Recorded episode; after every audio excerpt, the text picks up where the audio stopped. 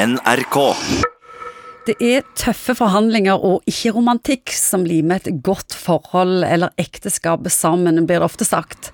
Det handler om hvem som bidrar med hva, arbeidsfordeling og respekt, og her skjer det ofte en maktkamp. Så mitt spørsmål i dag er til deg, hvem bestemmer i ditt forhold? Er det den som er mest redd for å miste den andre som taper, psykolog Egon Hagen? Ja, jeg vet ikke om det der sosialdemokratiske med at det bare er forhandling og arbeidsfordeling. Jeg tror nok at kjærligheten har ganske mye med det å gjøre allikevel.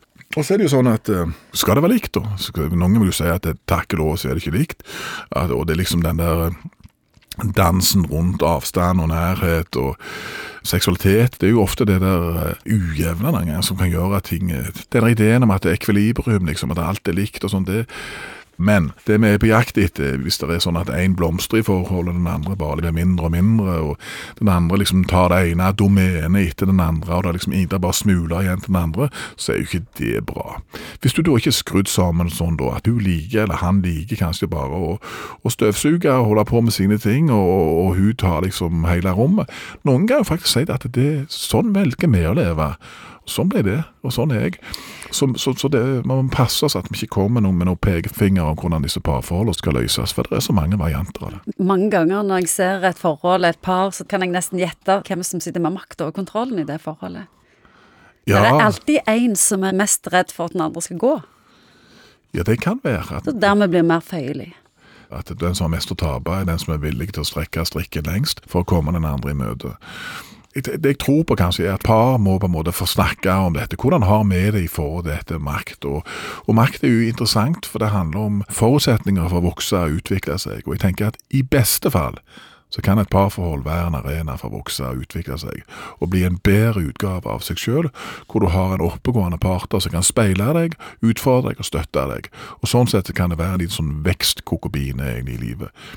Du at to sirkler som går ved siden av hverandre, og så er det noe som er dine ting, og så er det noe som er han andres ting, og så må det være et form for overlapp her, hvor dere er enige om at ok, dette er vårt felles prosjekt, og innenfor her skal meg og deg prøve å utfylle hverandre. Jeg tror det problematiske oppstår hvis det er sånn at en skal bestemme åkke som.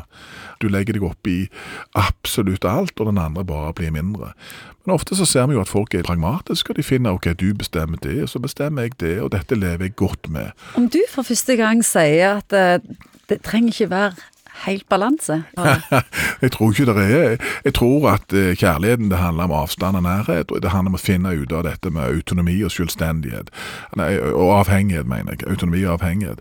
Og det er liksom disse glideskalaene her vi beveger oss mellom. Jeg tror at et vågent parforhold, da beveger vi oss mellom det å være noe i seg sjøl, og samtidig tørre å være noe sammen med den andre.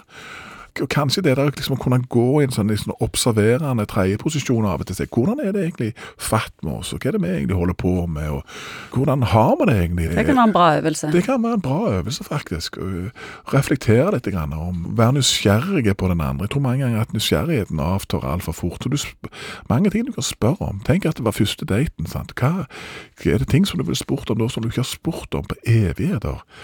At, at, vi fortsetter å, være nysgjerrige på hverandre, og, den eh, dette maktforholdet vårt. Har vi det greit sånn som vi har det nå, eller trenger vi å justere på kløtsjen litt? NRK.